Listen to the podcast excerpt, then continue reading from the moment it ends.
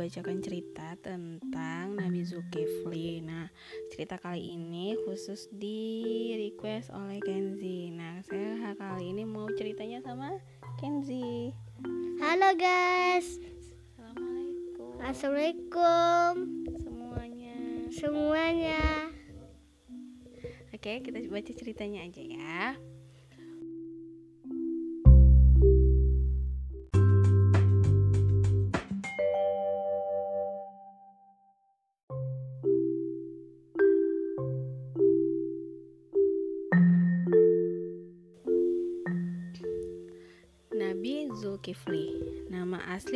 Zulkifli adalah Bashar Di kemudian hari, seorang menggelarinya Zulkifli Artinya, seorang yang berani memikul tanggung jawab Perubahan nama itu bermula dari sebuah kejadian penting pada masa itu, raja yang berkuasa ingin mengundurkan diri. Dia tak sanggup lagi melaksanakan tugas kenegaraannya.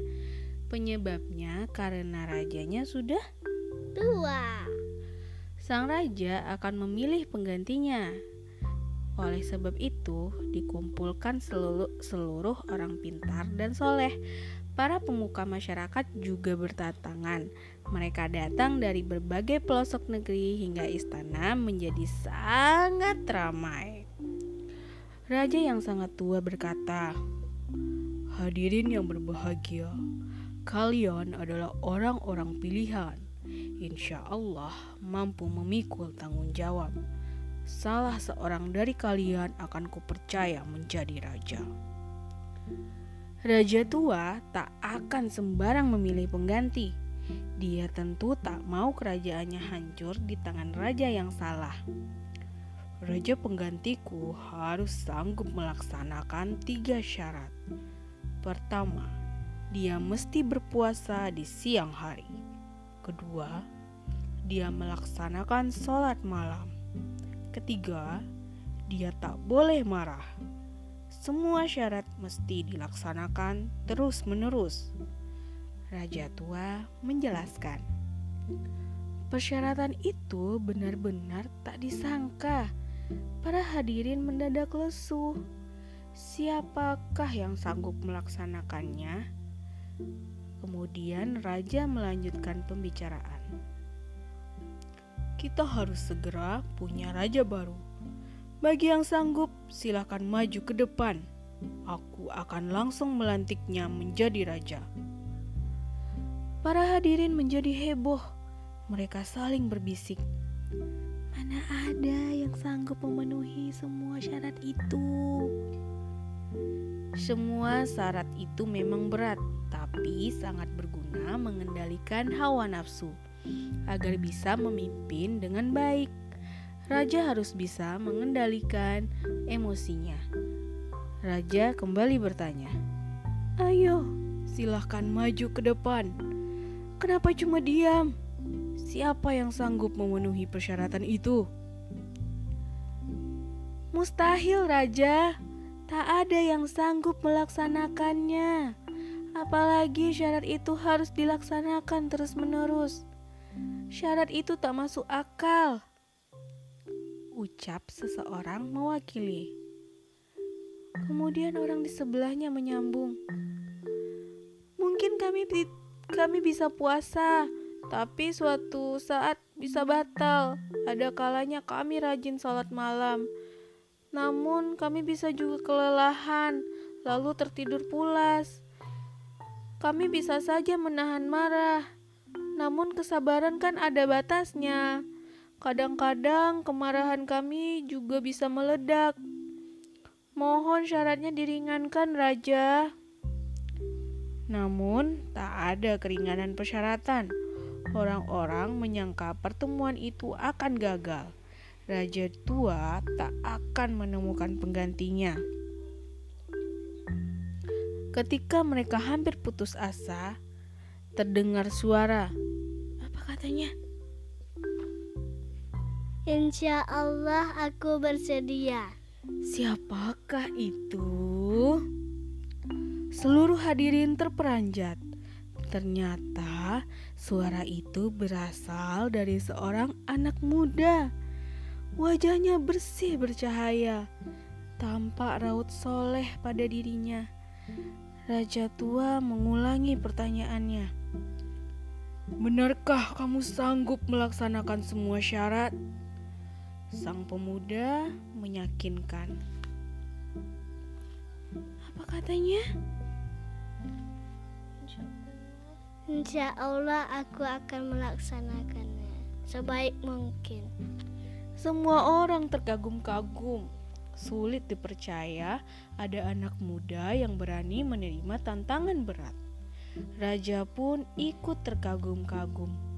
Siapakah engkau, wahai pemuda? Dia menjawab dengan tenang. Namaku Bashar. Aku putra Nabi Ayub. Oh, pantaslah. Ayahmu manusia yang sangat tabah.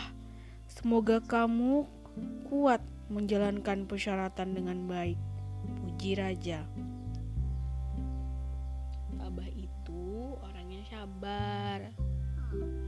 Sejak itu, kehidupan pemuda Bashar berubah. Dia tinggal di istana mengemban tugas berat.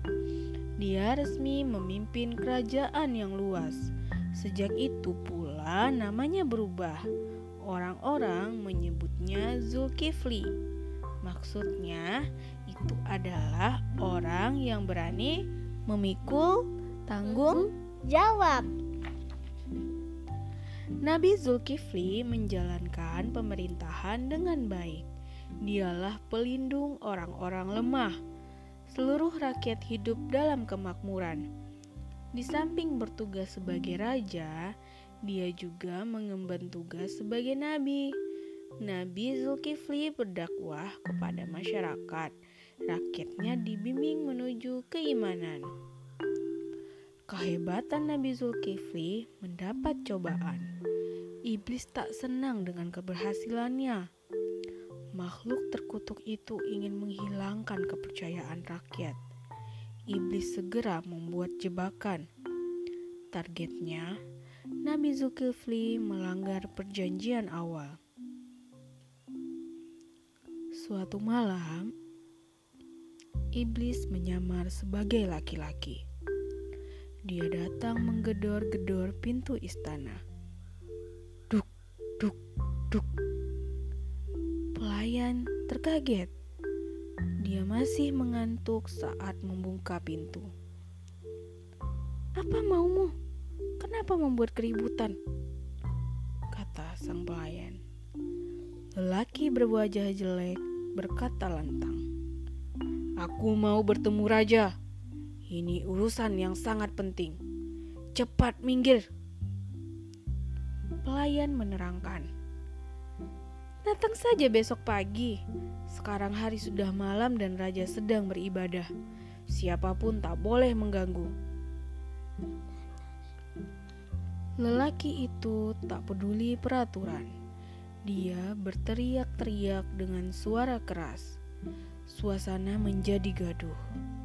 Untunglah Nabi Zulkifli selesai sholat malam. Dia mempersilahkan laki-laki itu masuk. Di dalam istana, Nabi Zulkifli berkata, "Nah, sekarang sampaikanlah masalahmu." Laki-laki itu benar-benar tak sopan. Dia bicara tak henti-henti. Laki-laki itu tak mau disela sedikit pun. Namun, Nabi Zulkifli tidak menunjukkan kekesalan. Bibirnya tetap tersenyum. Hingga menjelang fajar, orang itu lalu pergi. Pelayan heran, kenapa Nabi Zulkifli masih menyambut baik. Lalu sang nabi menjelaskan, dia adalah iblis yang menyamar. Tujuannya menggang mengganggu ibadah malamku. Dia ingin memancing amarahku. Syukurlah aku tak terpancing. Dia ingin aku tak puasa karena kelelahan. Syukurlah aku masih kuat berpuasa. Benar-benar hebat Nabi Zulkifli. Dia sukses mengalahkan godaan iblis. Peristiwa itu diketahui oleh rakyat dan mereka semakin mencintai raja. Nabi Zulkifli membuktikan kesetiaannya melaksanakan persyaratan. Tapi Kegala- kegagalan malam itu membuat iblis marah dia menghasut supaya orang-orang memberontak pada raja orang-orang jahat itu membuat keonaran mereka merampok dan membunuh jumlah anggota pemberontak sangatlah banyak. Mereka menghunus senjata menyerang ibu kota kerajaan. Negara dalam kondisi bahaya. Nabi Zulkifli berseru, "Wahai rakyatku, jangan mau dibinasakan oleh orang kafir. Mari kita berjuang. Allah melindungi orang-orang beriman." Sungguh aneh, rakyatnya menjadi manusia pengecut. Mereka tak mau berperang. Penduduk lebih suka melarikan diri saja. Bahkan, mereka menyuruh Nabi Zulkifli berperang sendirian. Penduduk berkemas-kemas hendak melarikan diri. Tapi Nabi Zulkifli mencegah. Musuh-musuh sudah di gerbang kota. Kalian tak akan bisa melarikan diri. Lagi pula perbuatan itu memalukan. Ayo maju ke medan perang. Nabi Zulkifli mengingatkan, Kalianlah yang bertanggung jawab membela negeri ini. Pemberontak itu bisa dikalahkan asalkan kita yakin pada pertolongan Allah. Melarikan diri hanya membuat kalian mati konyol. Orang-orang yang hendak mengungsi itu meminta, "Baiklah, kami akan ikut berperang, tapi tolong berdoalah kepada Allah. Mohon agar kami tidak mati selama perang. Doakanlah kami pada Allah." Maka tersenyumlah sang raja. Baiklah, aku akan mengabulkan permintaan kalian. Jawab Zulkifli. Lalu ia berdoa kepada Allah. Mereka pun menjadi tenang. Terima kasih, sekarang kami tak takut lagi karena kamu sudah mendoakan kami pada Allah. Pastilah kami tak akan mati berperang. Orang-orang mukmin pun lega. Kini saudara-saudaranya tak jadi melarikan diri sehingga kekuatan mereka lebih tangguh. Nabi Zulkifli menyiapkan rakyatnya menghadapi musuh. Pasukan disusun dengan disiplin. Senjata-senjata disiagakan. Serangan pemberontak sangat dahsyat. Mereka seperti binatang buas yang haus darah. Nabi Zulkifli dengan gagah memimpin rakyatnya. Jangan takut membela yang benar. Allah selalu melindungi orang-orang yang beriman. Ayo hadapi mereka, kata Nabi Zulkifli. Dengan gagah berani, pasukan beriman menghadapi pemberontak. Tak ada lagi rasa takut, apalagi Nabi Zulkifli berjuang gagah perkasa di barisan depan, sehingga rakyatnya ikut berperang dan bersama ngat kaum pemberontak ikut melihat semangat pasukan Nabi Zulkifli. Mereka mengalami kekalahan yang memalukan. Banyak korban jiwa di antara mereka. Sisa-sisa pemberontak menyerah kalah. Hebatnya, orang-orang beriman semuanya selamat. Tak satu pun yang meninggal dunia. Luar biasa, kita berperang sangat hebat. Seru seseorang. Dia merasa amat takjub. Ya, benar. Aku pun tak menyangka. Sambut yang lainnya. Nabi Zulkifli pun berseru. Alhamdulillah, puji syukur kepada Allah. Kemenangan ini berkat bantuan Allah dan tentu saja juga hasil perjuangan kita. Jangan pernah takut berjuang demi kebenaran.